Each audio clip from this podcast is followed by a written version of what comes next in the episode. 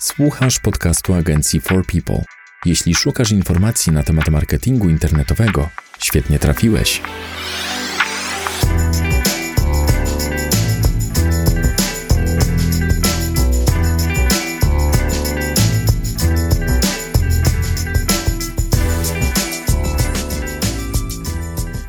Cześć, dzień dobry. Witamy w dziesiątym odcinku podcastu Agencji Marketingu Internetowego For People. Z tej strony Łukasz Migura i Paweł Pawlak.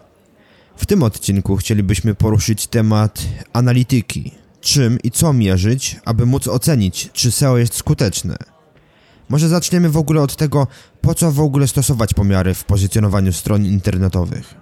Według mnie jest to chyba najlepszy sposób, żeby ocenić, czy tak naprawdę działania w tym kanale są skuteczne. Jakbyś mógł, Paweł, powiedzieć mniej więcej coś szerzej, e, po co stosować pomiary, do czego się mogą przydać? Przede wszystkim pomiary są istotne z tego powodu, że jeżeli już płacimy za jakąś usługę, no to chcielibyśmy w miarę jak najszybciej zobaczyć efekty tych działań, mhm. ale z racji tego, że pozycjonowanie swoje wyniki ma często odłożone w czasie, bo tak na dobrą sprawę nie możemy się spodziewać od razu pierwszej dziesiątki.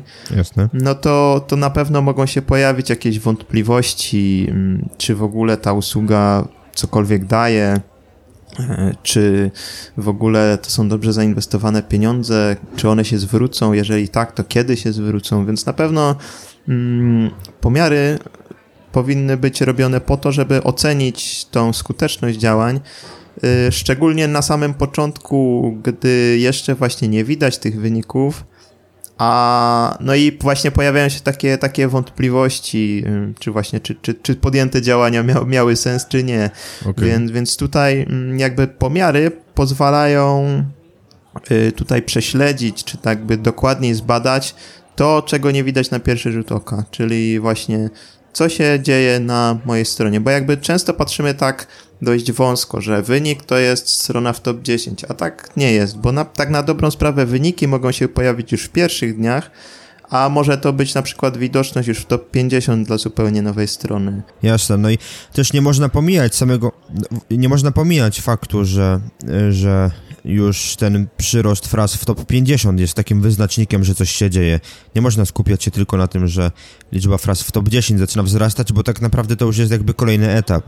Dokładnie, to, to jest nasz taki cel, można powiedzieć, makro, co chcielibyśmy osiągnąć na końcu. Mhm. Natomiast warto też pamiętać o takich celach mikro, które jakby pozwalają wyznaczać te kolejne milestone, czyli te kolejne kroki do osiągnięcia tego celu makro.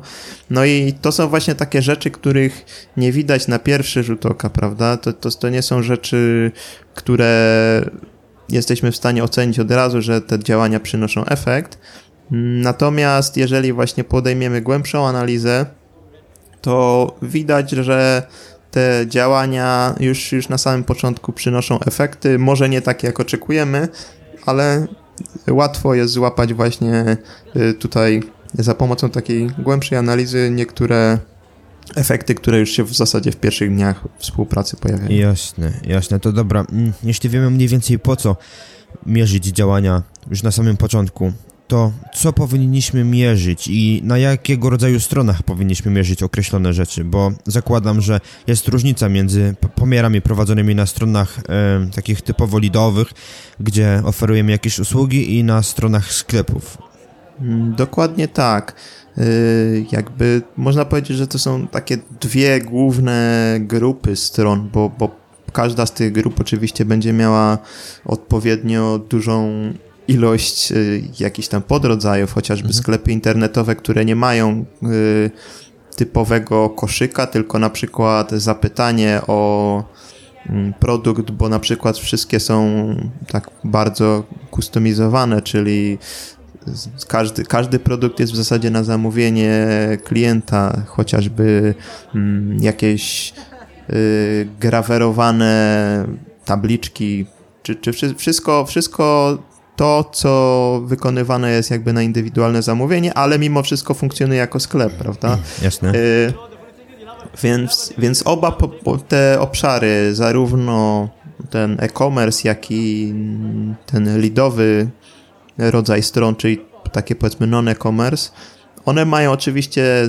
pewne obszary, w których się pokrywają, ale mają też obszary takie pomiaru, które warto jakby analizować mm, dodatkowo. Jeżeli, jeżeli mówimy o e-commerce, czyli o sklepach internetowych, mm, to jakby pierwszym takim wyznacznikiem y, tej efektywności jest zmiana liczby sesji na stronie z wyników organicznych. Mhm. Czyli tutaj możemy obserwować, mm, czy właśnie przed, jak, jak wyglądała ta liczba sesji przed współpracą, jak wygląda już po rozpoczęciu współpracy. Czy tutaj widzimy te wzrosty? Może się okazać, że na przykład nie widzimy poprawy widoczności na frazach, które nas interesują z punktu widzenia SEO, natomiast te sesje zaczną przyrastać, bo na przykład nasza strona po optymalizacji zaczyna się pojawiać y, w pierwszej dziesiątce pod frazami long tail, czyli tymi długo-ogonowymi. Obok sesji warto też oceniać y, liczbę użytkowników, czy, czy, czy właśnie przyrasta liczba użytkowników odwiedzających stronę. Y, I tutaj też możemy w takim ujęciu, czy na przykład zwiększa się udział nowych użytkowników w stosunku do tych y, powracających, jak również po prostu, czy sama liczba użytkowników wzrasta. Jasne, a powiedz mi, jak są traktowani użytkownicy w Google Analytics? Czy to są jakby połączenia z adresów IP, czy to są wejścia na stronę? Jak to jest zliczane? U każdego użytkownika na komputerze zapisywane są pliki cookies mhm. i wtedy jakby wyszukiwarka jest w stanie rozpoznać, no i oczywiście Google Analytics, że użytkownik jest nowym użytkownikiem, bo dopiero te pliki cookies się u niego zapisały, bądź też te pliki cookies po prostu już funkcjonują u niego na stronie, jest to kolejna z, z jego wizyta. Mm, ma to na pewno znaczenie w przypadku sesji, bo jeżeli jeden użytkownik wejdzie na stronę, dokona jakiejś tam akcji, później wyjdzie z wyników, a potem powróci, to często jest to jakby traktowane jako kontynuacja tej, tej pierwszej sesji. Ale nie zawsze. Ale nie zawsze, ale zdarzają się takie przypadki, więc warto, warto o tym pamiętać. Mm, co bardziej wprawni użytkownicy oczywiście gdzieś tam będą czyścić te pliki cookies i za każdym razem mogą być yy, widziani jako nowi użytkownicy, ale najczęściej to jest taka wiedza powiedzmy no, dla takich użytkowników pro, powiedzmy takich paranoicznych czasami, że nie chcą, żeby być mierzeni i, i po prostu gdzieś tam, gdzieś tam bardziej, bardziej z taką wiedzą techniczną, gdzie po prostu mm, no wiedzą, wiedzą jak po prostu tą, po tej wizycie wyczyścić swoją przeglądarkę, żeby, żeby po prostu no nie było śladu i na przykład, żeby, żeby chociażby nie był stosowany remarketing, czy no Tak, czy ale prostu... w przypadku na przykład stron linii lotniczych usuwanie ciasteczek ma sens, bo jeśli linia lotnicza zauważy, że interesowaliśmy się jakimś lotem i nie dokonaliśmy zakupu od razu, to wtedy następnym razem pokaże nam już trochę wyższą cenę za bilety. Przynajmniej podobno tak jest. Dokładnie. Mo może tak być. Yy, tutaj jakby nie, nie spotkałem się, czytałem o tym oczywiście, nie spotkałem się z tym w rzeczywistości, no ja ale, ale jest, ja to... to... jest to na pewno taka furtka właśnie, gdzie, gdzie można, można tutaj w ten sposób traktować użytkowników, znaczy można, nie powinno się, ale że tak powiem taka praktyka może być stosowana, no dla, dlatego warto gdzieś tam też o tym, o tym pamiętać.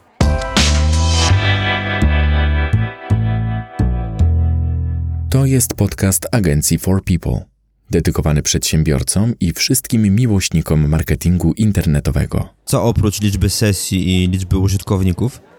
Y, no w przypadku e-commerce'ów, mm, no jakby takie naj, najistotniejsze y, z punktu widzenia pomiaru są oczywiście przychody.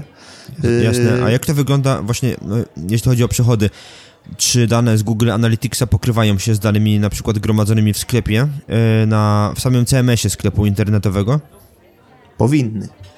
Powinny. Chociaż powinny, chociaż czasami, czasami pojawiają się takie problemy, jak chociażby mm, niezliczanie wszystkich sesji. Mhm na przykład, jeżeli na stronie mamy jakąś y, możliwość płatności przez przelew i, i, przechodzimy na stronę banku, to ta płatność może zostać zliczona w innym kanale, Okay. Albo czasami też się zdarza tak, że po prostu niektóre płatności nie są, nie są zliczane. To, to, to są jakieś tam wewnętrzne problemy Analyticsa, które się mogą pojawić. Hmm, dlatego jakby no nie mogę powiedzieć, że zawsze tak jest, czy, czy nigdy tak nie jest, ale na pewno zdarzają się takie przypadki, gdzie po prostu y, w CMS-ie będziemy widzieć hmm, różnice. Warto też dodać, że Analytics widzi konkretną akcję, hmm, czyli dokonanie zakupu, natomiast nie widzi akcji yy, niezapłacenia. Jeżeli, jeżeli mamy na przykład yy, opcję płatności przelewem dopiero po jakby po dokonaniu transakcji, czyli dostajemy mailowo informację proszę zapłacić i tak dalej, to tego już Analytics może nie, nie zarejestrować. Jeżeli na przykład wchodzimy przez aplikację mm, naszego konta bankowego i płacimy, a jeżeli tej płatności nie, do, nie dostarczymy, no to też jakby Analytics nie widzi ty, tego, że jakieś zamówienie zostało anulowane. Mm, więc, więc tutaj, tutaj, tutaj też różnice się mogą oczywiście pojawić, więc wtedy jakby trzeba spojrzeć oczywiście oprócz Analyticsa do, do naszego panelu CMS i tego sekcji sprzedażowej, żeby zobaczyć po prostu, czy, czy na przykład jeżeli wykluczymy te anulowane transakcje bądź oczekujące na płatność, czy to się, czy te wyniki będą takie same. Można sprawdzić jeszcze kilka innych rzeczy i według Ciebie tak. jakie, jakie znaczenie ma na przykład czas spędzony na stronie albo głębokość wizyty, jeśli chodzi o sklepy internetowe, jakby, czy warto się pochylać nad takimi, nad takimi aspektami, jeśli chodzi o sklepy internetowe według Ciebie? W przypadku czasu spędzonego na stronie to jest taki, można powiedzieć, yy, obosieczny miecz, bo z jednej strony krótki czas spędzony na stronie może oznaczać, że no coś jest z tą stroną nie tak, że użytkownik nie znajduje tego, co by chciał na stronie mhm. i widzi to na pierwszy rzut oka. Z drugiej strony zbyt długi czas oznacza, mm, że użytkownik musi bardzo dużo czasu poświęcić na zapoznanie się z daną podstroną, co też może yy, negatywnie wpłynąć na mm, na jakby dal, dalsze jego zachowanie. Mhm. Więc, więc jakby no zawsze, zawsze najlepiej gdzieś tutaj znaleźć ten środek, taki optymalny czas spędzenia wizyty na stronie, troszkę to przetestować, mm, ile, ile nam na przykład zajmuje wejście na stronę, znaczy nie tyle wejście na stronie, co ile nam zajmuje spędzenie tego czasu na stronie mhm. i, no i potem jakby wyznaczyć po prostu taki punkt, który, przez, przez który będziemy po prostu oceniać mm, sposób, w jaki w jaki użytkownicy przebywają na naszej stronie.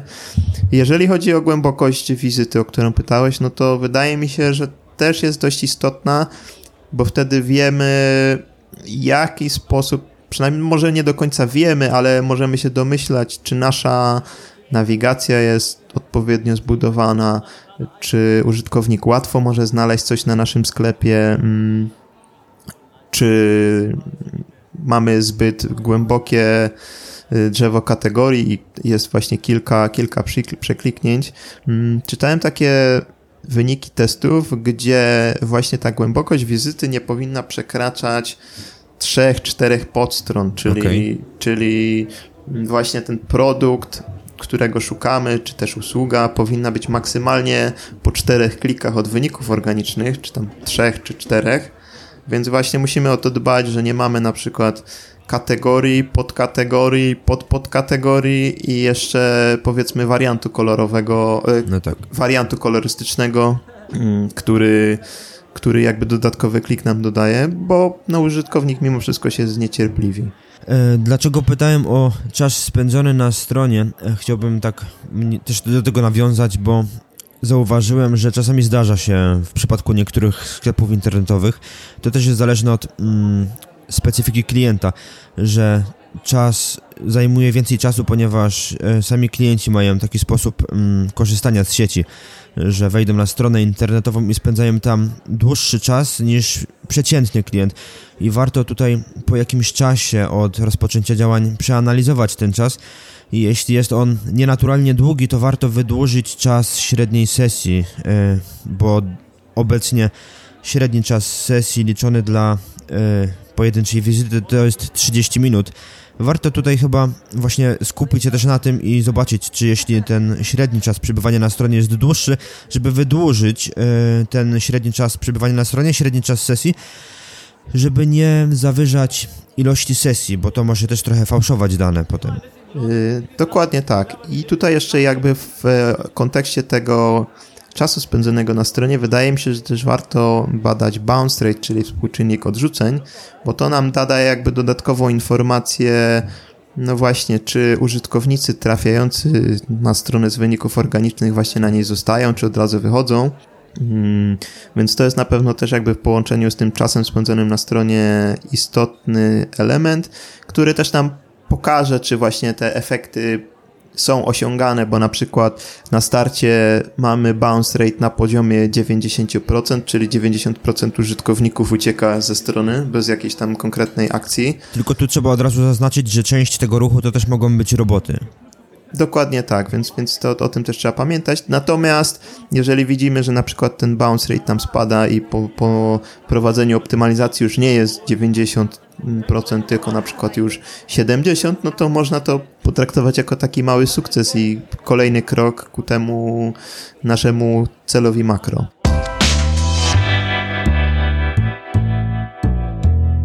To jest podcast agencji marketingu internetowego For People.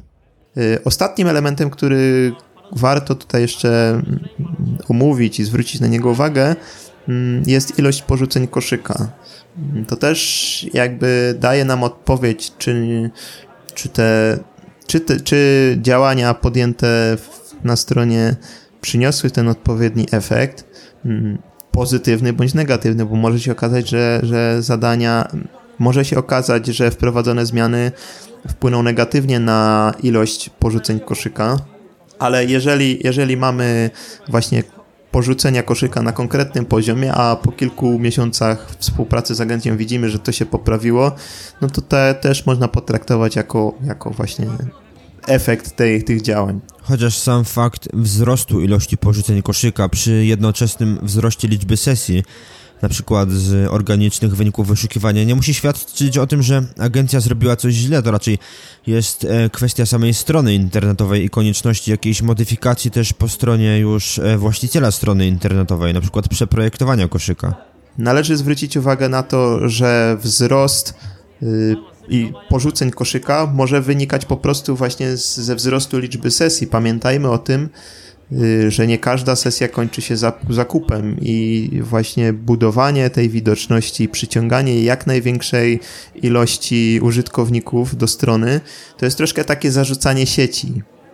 Hmm, musimy te sieci dość szeroko zarzucić, czyli złapać tych jak najwięcej tych użytkowników i dopiero wśród nich będzie ten procent, który, który konwertuje i tak na dobrą sprawę Mm, no, im większa liczba sesji, tym, tym większe prawdopodobieństwo konwersji, ale jednocześnie też, też ten spadek procent... Tej liczby, spadek tak, liczby.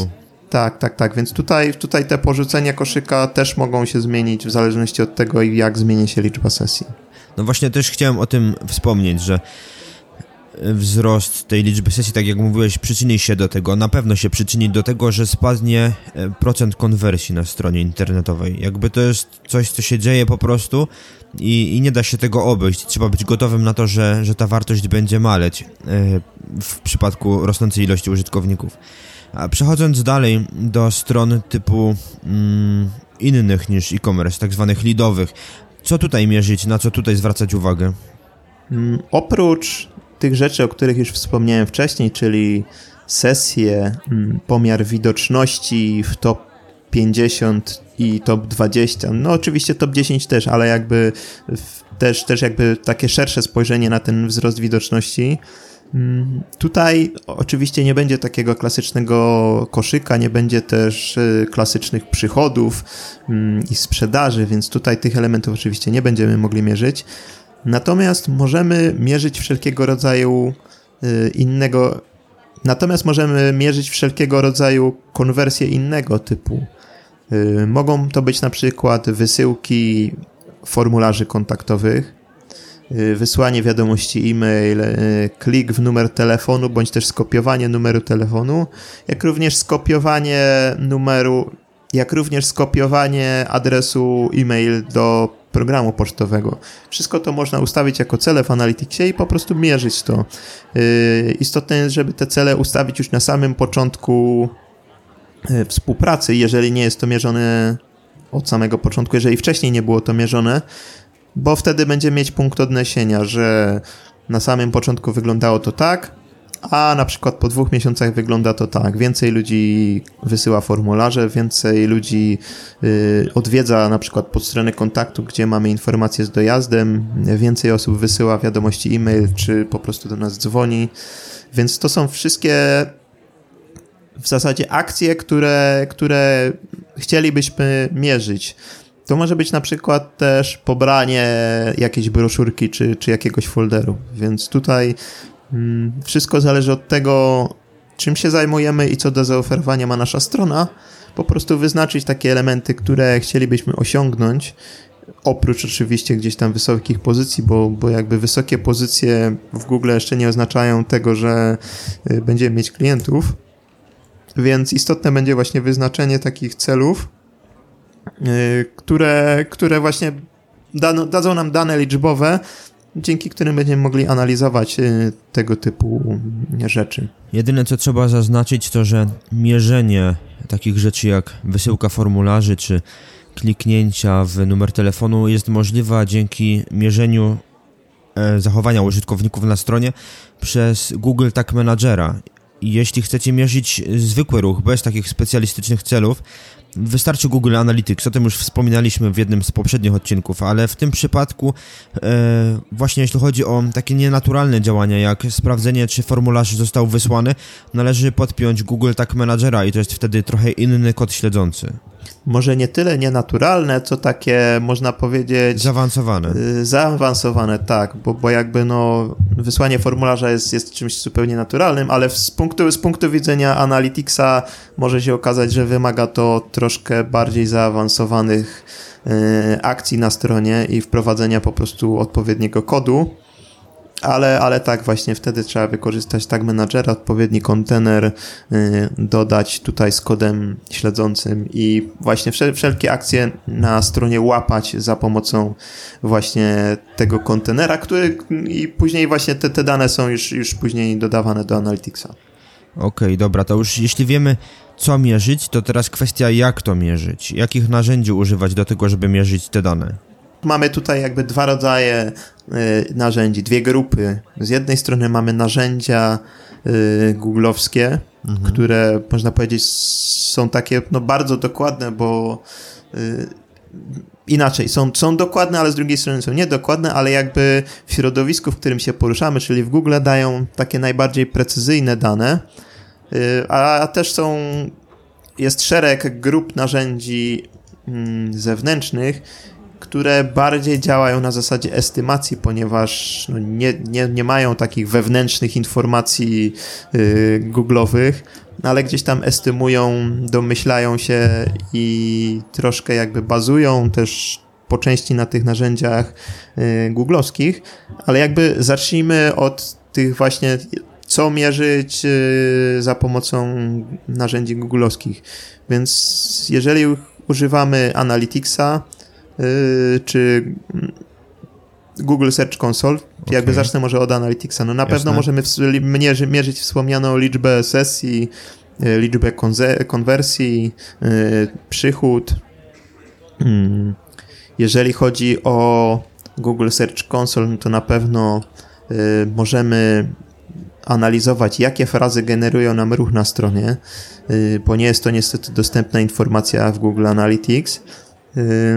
Znaczy się jest ona dostępna y, za pomocą dodatkowych narzędzi takich jak Google Keyword Hero, o którym wspominaliśmy w jednym z poprzednich odcinków.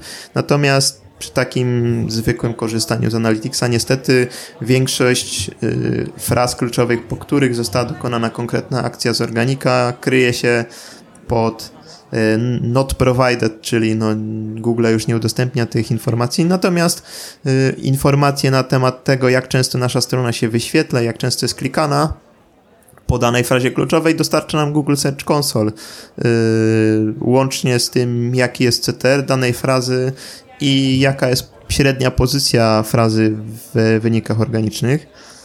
Mm, w przypadku Analyticsa możemy też mierzyć najczęściej i najrzadziej odwiedzane podstrony. Mm, sprawdzić sobie właśnie, które podstrony mm, właśnie są najczęściej odwiedzane i najlepiej konwertują, które w zasadzie nie są odwiedzane albo w ogóle nie konwertują. No i też jakby podjąć decyzję, co z tymi stronami zrobić, jakby też zwrócić na to uwagę, że na przykład strona została zoptymalizowana, dana podstrona została zoptymalizowana, ale w zasadzie nic to nie dało, jeżeli chodzi o y, jeżeli chodzi o jej skuteczność, więc po prostu jakby zwrócić na to uwagę, podjąć kolejne kroki. Mhm. Y, no i y, Analytics też daje nam odpowiedź na to, ile czasu spędza użytkownik na stronie, jaki jest właśnie ten bounce rate, o którym mówiliśmy wcześniej. Więc to są takie właśnie zachowania, to są takie informacje, które Google Analytics daje nam na temat właśnie zachowania na stronie. Okej, okay, jeśli ja się mogę tutaj wtrącić, to yy, analizując to, co mówiłeś na temat Google Analyticsa, no jego niewątpliwą zaletą jest to, że jest darmowe i pozwala zdobyć szereg danych, yy, najbardziej potrzebnych do, yy, do zrozumienia, jak się użytkownicy zachowują na stronach, ale musimy też wspomnieć o kilku wadach, które Google Analytics yy, jakby posiada. Sam fakt zainstalowania y, kodów mierzących Google Analytics na stronie no, spowalnia jej działanie, to jest wczytywanie zewnętrznego skryptu, i często jest to około sekundy do dwóch sekund e, opóźnienia na stronie, których nie da się przeskoczyć, jeśli chcemy mierzyć te działania przy pomocy Google Analyticsa. Problemem też jest mm, kwestia ruchu wrzucanego e, w Direct, jeśli e, Google nie potrafi sobie poradzić ze zrozumieniem jak użytkownik dany trafił na naszą stronę. Jeśli ruch na przykład jest kierowany z jakichś aplikacji, czy jeśli mm, użytkownik dociera na stronę mm, z linkiem wspomaganym mierzeniem przy pomocy UTM-ów, ale są one źle skonstruowane, Google wtedy wrzuca ten ruch w Directa. Dodatkowo, tak jak mówiłeś, e, w przypadku e, użytkowników zalogowanych e, w przeglądarce Google Chrome, nie dostajemy informacji, po jakich frazach użytkownicy trafiają na stronę internetową, natomiast te dane są wrzucane w sekcję non-provided. No, to jest związane z ochroną danych i świetnie, że, że Google dba o ochronę danych użytkowników. Szkoda tylko, że najprawdopodobniej te dane dalej gromadzi. E, I tutaj chciałbym się odnieść właśnie do tych dwóch narzędzi, do Google Analyticsa i Google Search Console i tak może nie zachęcać, ale nadmienić, że istnieją też inne narzędzia do mierzenia zachowania użytkowników na stronie internetowej. Takim chyba największym konkurentem, ale obecnie chyba niestety płatnym jest Pivik Pro. Wiem, że oni kiedyś byli darmowi, ale teraz jak przeglądam sobie ich stronę internetową, to najprawdopodobniej korzystanie z ich rozwiązania już będzie kosztować. E, wejdę sobie w sekcję pricing i, i zobaczę jak to wygląda, ale najprawdopodobniej jest tak, że e, nie, jednak nawet nie, nie podają ceny na stronie. Trzeba za, e, zaznaczyć mm, z jakiego rozwiązania chce się korzystać. E, wiem tyle, że oni też działają w oparciu o JavaScript i to rozwiązanie najprawdopodobniej też będzie spowalniać działanie strony internetowej. Wiem też, że można podłączyć PWK e, do Google Search Console, ale nie wiem mm, jaki rodzaj danych można e, jakby pobierać z GSC. Jest to na pewno ciekawe rozwiązanie i do rozważenia, zwłaszcza jeśli chodzi o y, dbanie o dane użytkowników, bo w przypadku Google Analyticsa y, dane gromadzone przez stronę internetową, na której zainstalujecie ten skrypt, są przesyłane na serwery Google'a. No i tutaj trzeba się liczyć z tym, że te dane są jakby wysyłane dalej. W przypadku Pivika te dane są gromadzone wyłącznie na waszym serwerze, e, na waszej chmurze, e, gdzie tylko wy macie dostęp do tych danych, nikt inny. I tutaj jesteście w 100% pewni, że e, żadne dane na temat zachowania użytkowników na waszej stronie no, nie będą widziane przez trzecią firmę. Wiemy, że no, Google nie będzie analizowało tych danych i nie będzie ich wykorzystywało do jakichś tam niecnych celów, ale mm, sam fakt jakby bycia uczciwym w stosunku do swoich klientów w przypadku niektórych niektórych e, właścicieli stron może być jakby zachętą do korzystania z Pivika. Jest też narzędzie takie, które nazywa się AWStats mm, i to narzędzie działa trochę inaczej, bo w przeciwieństwie do Pivika i do Google Analyticsa, AWStats nie mierzy jakby ilości wizyt na stronie w oparciu o ciasteczka, tylko w oparciu o E, logi serwera, czyli to ile z adresów IP łączy się e, z waszą stroną internetową. Dane te są zapisywane na serwerze e, w plikach TXT, tak jak w przypadku każdej innej strony. No i AWStats analizuje te dane i prezentuje w sposób bardziej przyjazny człowiekowi. Tam możecie zobaczyć mniej więcej ile osób było na waszej stronie danego dnia, ile wygenerowali sesji, e, chociaż jest problem, bo wiem, że AWStats nie pokazuje bezpośrednio liczby e, pojedynczych użytkowników e, codziennie, tylko w skali miesiąca. No i to jest pierwszy problem. AWStats nie pokazuje także, na jakie frazy użytkownicy trafili na waszą stronę. Jest to tak potraktowane trochę po macoszemu. E, służy to raczej głównie właścicielowi strony internetowej, żeby mm, zobaczyć, e, czy ruch rośnie, ale dużo więcej nie da się z tego wyciągnąć. Wiem, że Pivik ma już jakieś bardziej zaawansowane analizy, czy to koszyka, czy e, czy zachowania użytkowników na stronie, no ale jest to już teraz narzędzie płatne i jeśli ktoś chce darmowego narzędzia, no to wiadomo, Google Analytics przede wszystkim. No i my jako agencja też zachęcamy do korzystania z Google Analyticsa właśnie z racji na to, że to narzędzie jest darmowe, jest powszechne, e, no i pozwala na szybką analizę, także e, jeśli macie małą stronę i, i, chcecie tylko sprawdzać, jak działa ruch, to może AWStat się w waszym przypadku sprawdzi, ale jeśli zależy wam na pogłębionej analizie zachowania użytkownika na stronie, to jednak Google Analytics, ewentualnie ten Pivik, ale o Piviku chyba nie wypowiemy się aż tak dokładnie, no bo nie korzystamy z niego na co dzień. To nie jest tak powszechne narzędzie w Polsce, żebyśmy e, mogli jakoś je ocenić. Ja tylko pokrótce wspominam o tych opcjach, żebyście wiedzieli, że, że Google Analytics to nie jest e, jedyna opcja. Y, warto chyba jeszcze wspomnieć o Yandex Metrika, czyli narzędziu analitycznym wyszukiwarki Yandex, bardzo mhm. popularnej w Rosji hmm, chociażby. Y, narzędzie to jest bardzo podobne do Google Analytics, tylko jakby jest bardziej właśnie skierowane na użytkowników, którzy odwiedzają stronę z Yandexa. Mm, natomiast mm, dostarcza ono bardzo cennych informacji już na temat tych użytkowników, którzy już są na stronie. Y, w przeciwieństwie do Analyticsa, Yandex Metrika posiada takie dodatkowe opcje jak y, heatmapa, czyli mapa ciepła, więc tutaj możemy obserwować, jak użytkownik zachowuje się na danej stronie. Tutaj y chciałbym dodać, że e, hitmapa oferowana przez Yandexa jest darmowa, co w porównaniu do Hotjara jest dosyć ciekawym rozwiązaniem, że ktoś jest w stanie hostować takie ilości danych na własnych serwerach, mówię tu o Yandexie, i prezentować je użytkownikom za darmo. Co prawda dane są przetrzymywane chyba przez tydzień, ale mimo wszystko darmowe hostowanie takiej ilości danych to robi wrażenie. Dodatkowymi opcjami Yandex Metriki jest też scroll mapa, czyli tutaj możemy sobie sprawdzić, jak nisko w cudzysłowie użytkownik schodzi e, w, naszy, w, naszej stronie, jak, jak zapoznaje się z treścią danej podstrony, czy czytają całą, czy nie dojeżdża na przykład do produktów. E, jak również bardzo fajną opcją Yandex Metriki jest nagrywanie sesji, czyli możemy sobie odtworzyć, jak użytkownik, który odwiedził naszą stronę, zachowywał się, jak ruszał kursorem, w co klikał, czy kursor był bezczynny, czy kółeczka były zataczane na stronie i tak dalej. Więc wszystkie te informacje gdzieś tam są zapisywane w Yandex Metrice i dodatkowo mogą uzupełnić Analyticsa.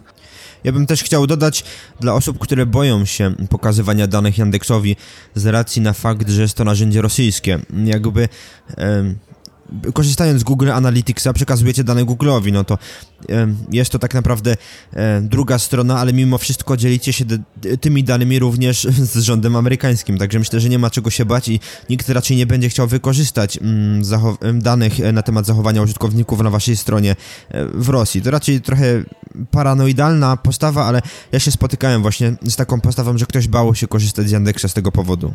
Więc tak, tak jak wspomniałem e, właśnie wcześniej, główną zaletą Analyticsa jest to, e, że mierzy on właśnie zachowania użytkowników mhm. z jego własnego środowiska, prawda? Czyli użytkowników z Google. E, no, ale nie jest to rozwiązanie idealne tak jak wspomniałeś, są tutaj wady, no, którym nie da się zaprzeczyć. Mam jeszcze jedną taką wadę, o której chciałem powiedzieć na koniec. Taki tip, żebyście pamiętali przy analizowaniu danych Google Analytics, że jest tam taka opcja jak samplowanie danych. I samplowanie danych polega na tym, że Google bierze średnią e, liczbę sesji użytkowników e, z danych miesięcy i pokazuje Wam nie do końca prawdziwe dane, ale uśrednione. Jeśli wyłączycie samplowanie danych, wtedy będziecie mieli trochę bardziej prawdziwe dane, ale mimo wszystko będą to dane uśredniane, także należy o tym pamiętać, żeby e, wyłączać samplowanie w przypadku zwłaszcza dużych stron internetowych, bo jeśli posiadacie mm, duży sklep internetowy, to już przy samplowaniu danych te dane mogą być mocno nieprawdziwe.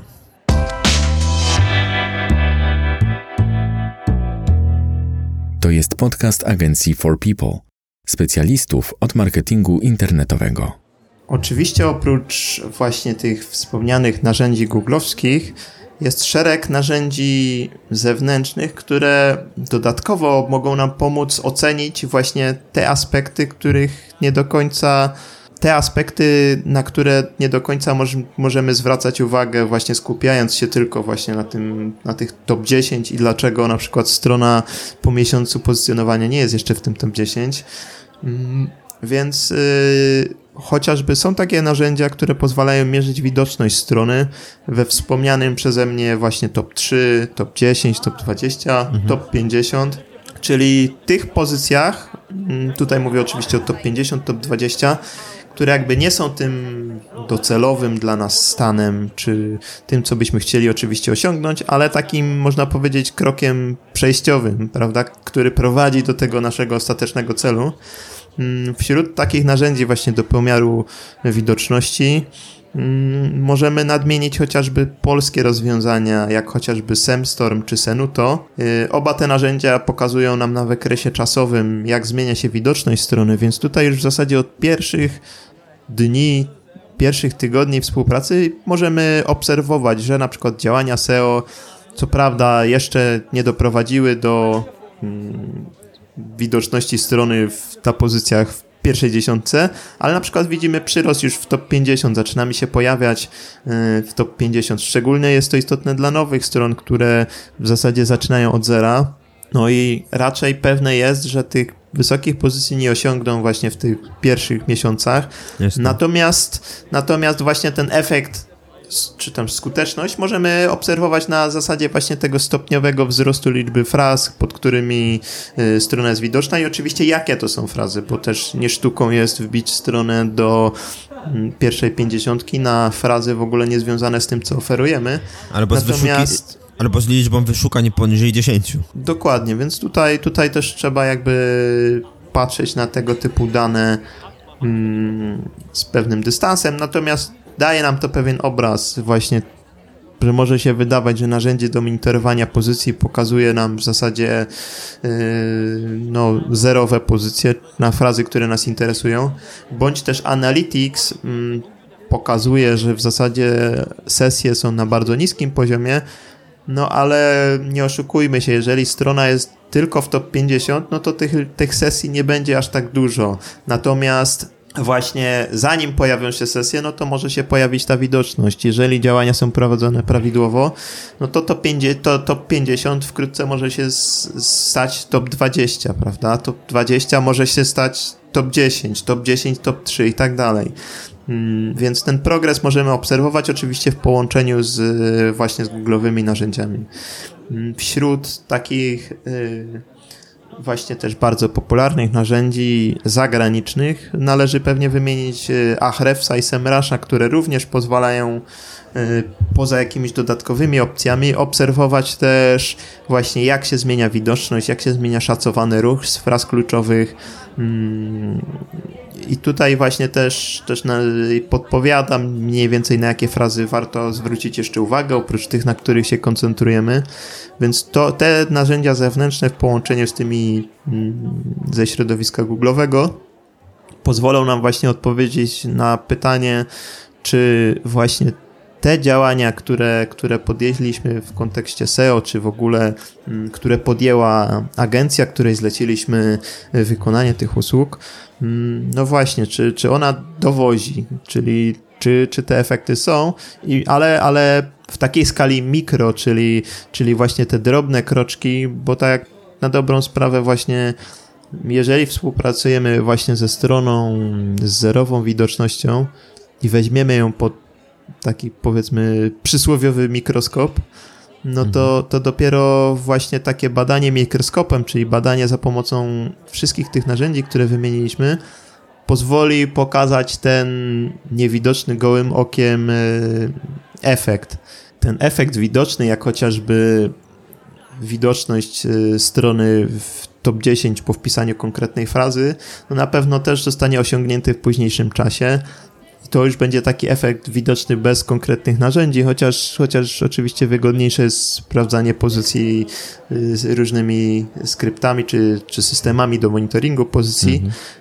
Natomiast yy, właśnie jakby połączenie tych narzędzi pozwala oceniać właśnie te mikrokroki. Okej, okay, jasne. A od kiedy mierzyć pierwsze efekty i kiedy w ogóle można się spodziewać pierwszych efektów pozycjonowania? Tutaj oczywiście należy na to spojrzeć z tej perspektywy, o której my tutaj w dzisiejszym odcinku mówimy, czyli co rozumiem przez efekt. Y, jeżeli chodzi o sam pomiar, no to warto go robić od samego początku współpracy i potraktować tą sytuację sprzed współpracy, jeżeli dysponujemy takimi danymi, bądź zaraz na początku współpracy jako taki punkt zero, do którego będziemy się później odnosić. Y, oczywiście możemy nie zaobserwować y, widocznych efektów już po pierwszym dniu, czy, czy po dwóch, trzech dniach, tygodniu, y, Natomiast jeżeli wiemy od czego wychodzimy, no to później będzie łatwiej nam oceniać i warto chyba właśnie tak, takie badanie, czy te efekty są, na przykład przeprowadzić albo po dłuższym okresie czasu, jak chociażby miesiąc pierwszy, mhm. albo po wprowadzeniu konkretnych zmian. Jeżeli otrzymujemy od agencji, z którą współpracujemy, informacje, mm, że wprowadzone zostały zmiany na stronie, no to warto na przykład mm, mamy, mamy tutaj już sygnał, że, że jest zmiana i możemy spodziewać się jakichś efektów. Oczywiście te efekty nie będą też widoczne od razu, bo oczywiście Google też musi zaindeksować te zmiany. Mm, natomiast, no, jeżeli siądziemy do tego powiedzmy za tydzień czy dwa od wprowadzenia tych zmian, no to będziemy już widzieć, jakie to mogło przynieść efekty. I jakby od tego momentu już tak powiedzmy monitorować te efekty troszkę częściej i, i sprawdzać, co, co tak naprawdę się wydarzyło. Tak, to jest klucz. Zrozumienie, żeby sprawdzać efekty pracy agencji dopiero po jakimś czasie od wprowadzonych zmian na stronie. Mm, jakby jeśli agencja rozpoczęła pracę mm, miesiąc temu i zaczęli od przeprowadzenia audytu, który zajął im powiedzmy dwa tygodnie, jak ma to mniej więcej u nas, mniej więcej dwa tygodnie potrzebujemy na to, żeby przeprowadzić taki dogłębny audyt strony internetowej, to następne działania są prowadzone powiedzmy przez kolejne dwa tygodnie, czasami cztery tygodnie, w zależności od tego, jak duża to jest strona internetowa. I mm, jeśli zaczniecie sprawdzać efekt pracy agencji po tym miesiącu, gdzie tak naprawdę faktycznych działań na stronie to są dwa tygodnie, to jeszcze może nie być tych efektów. Jakby ja bym się tutaj skłaniał, żeby w ogóle sprawdzać jakiekolwiek efekty w wyszukiwarce po dwóch miesiącach. Myślę, że to już jest taki, taki czas, te 8 tygodni, gdzie no faktycznie można by się spodziewać już jakichś wzrostów widoczności, czy niewielki y, czy jakiegoś niewielkiego wzrostu liczby sesji. Natomiast po pierwszym miesiącu, jasne, efektem może być włożona praca agencji. Mogą być pierwsze zmiany e, techniczne na stronie, czy pierwsze optymalizacje treści, ale sam fakt wzrostu widoczności po miesiącu, no to dla mnie jeszcze jest chyba zbyt krótki okres, tak mi się wydaje. Powtarzamy to chyba w każdym odcinku, albo niemal w każdym odcinku, że efekty pracy SEO są odłożone w czasie i nie będziemy ich widzieć od razu. Praca wykonana dzisiaj może przynieść efekty dopiero za 3 miesiące albo za 6 miesięcy, ale tutaj w nawiązaniu do tego, co powiedziałeś, Łukasz, yy, właśnie jeżeli agencja przeprowadzi audyt po pierwszych dwóch tygodniach, no to jakby właśnie efektem pracy jest właśnie ten dokument, y, sama analiza i powiedzenie, co jest nie tak ze stroną, nie poprawi jej widoczności, więc nie należy się spodziewać, że po audycie e, już będzie osiągnięty efekt. I tutaj właśnie efektem jest właśnie chociażby wyciągnięcie tych wniosków, prawda? I mm, jeżeli są te wnioski, wiemy w którym kierunku y, iść, jakie prace na stronie przeprowadzić, jaką strategię link buildingową przyjąć. Które i są to działania, które przyniosą efekt dopiero w dalszych etapach. Więc jakby no w przeciwieństwie do PPC y, no nie możemy oceniać tutaj mm, właśnie działań na zasadzie zapłaciłem fakturę na x zł, a oni jeszcze nic nie zrobili, to znaczy nic nie widać y, na stronie. Mamy już dane zgromadzone, już widzimy, że są jakieś pierwsze ruchy, pierwsze wzrosty. Jak wykorzystać wyniki analizy danych? Mm, wydaje mi się, że, że właśnie tak. Jeżeli, jeżeli już prze, przeanalizujemy sobie te dane, już, już mamy jakieś wnioski, no to jest to. Jeżeli mamy te wnioski, no to już wiemy, albo przynajmniej jesteśmy w stanie to ocenić, czy właśnie te efekty już są, czy, czy w ogóle cokolwiek na tej stronie się dzieje. Jeżeli tak, no to, to też jakby no super. Jeżeli tego nie widzimy, no to to jest jakby doskonały moment, żeby podjąć kolejne kroki, jakby zastanowić się, porozmawiać z agencją, co jeszcze ewentualnie można tutaj zrobić, bo widzimy, że że pomimo nawet takiej dogłębnej analizy nie widać, na, że, że coś się dzieje na stronie. Być może to jest y, wina samej strony i tutaj trzeba zastanowić się nad jakąś przebudową. Mm, być, być może też jakaś, być może też jakaś tutaj y, zmiana strategii wchodzi w grę, na przykład y, oprócz kanału Organic dołożyć właśnie jakiś kanał paidowy, czyli chociażby właśnie Google PPC, czy jakieś Facebook Ads, mm, czy no jakieś generalnie płatne y, reklamy, które, które wesprą ten kanał organiczny. Mam nadzieję, że chociaż pokrótce udało nam się przedstawić kwestię analizy danych przy pomocy Google Analytics i Google Search Console. Jeśli będziecie mieli jakieś dodatkowe pytania w tym temacie, zapraszamy na naszego bloga marketingdlaludzi.pl jeśli chcielibyście pomocy przy pozycjonowaniu strony internetowej czy przy pomocy z analizą danych, zapraszamy na stronę naszej agencji forpeople.pl. Z tej strony Łukasz Migura i Paweł Pawlak. Dziękujemy za uwagę i do usłyszenia następnym razem. Trzymajcie się i powodzenia w biznesach. Cześć. To był podcast agencji marketingu internetowego For People. Dziękujemy za uwagę. Wolisz czytać niż słuchać? Zapraszamy na stronę naszego bloga marketingdlaludzi.pl. A jeśli potrzebujesz pomocy z promocją firmy w internecie, odwiedź naszą stronę forpeople.pl. Zapraszamy do wysłuchania następnych odcinków. Do usłyszenia.